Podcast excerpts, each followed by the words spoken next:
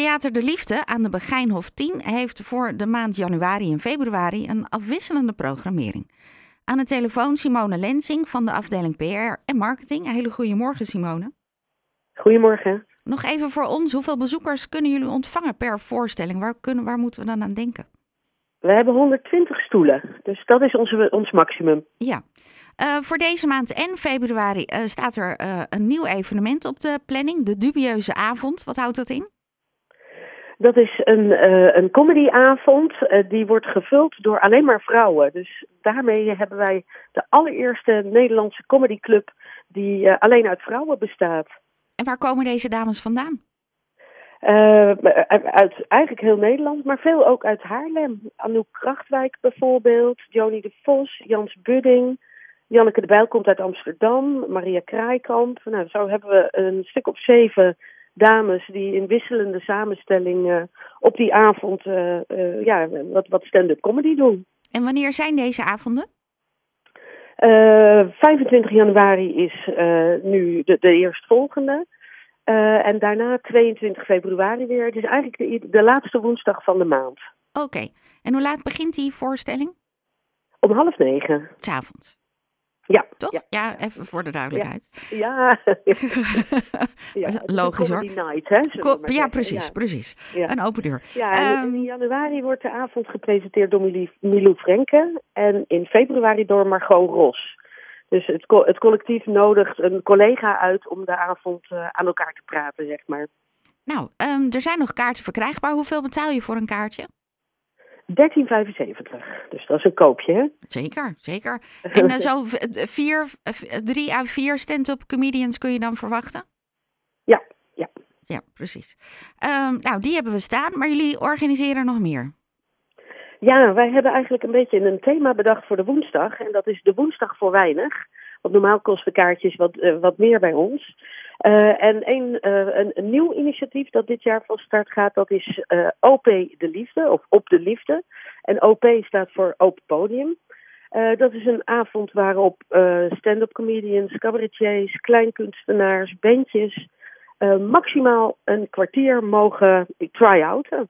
En dan hebben we iedere avond, iedere, dat is de eerste woensdag van de maand, hebben we een bekende presentator. Uh, en dan zes acts uh, die maximaal een kwartiertje mogen optreden. En heb je nog acts nodig als mensen nu luisteren of um, loopt dat wel? Nou, iedereen mag zich aanmelden, altijd. Dat kan via info.theaterdeliefde.nl. 1 februari zit nu vol, dat, uh, dat wel. Maar goed, we, we, hebben natuurlijk begin maart weer een aflevering. En graag meld je aan. Ja, nee, hartstikke leuk. En dus dat kan heel erg uiteenlopend zijn. Ja, je krijgt altijd een verrassende avond, uh, omdat het ja, zowel jong talent is, maar soms ook wat bekendere cabaretiers die bijvoorbeeld iets voor een nieuw programma willen uitproberen.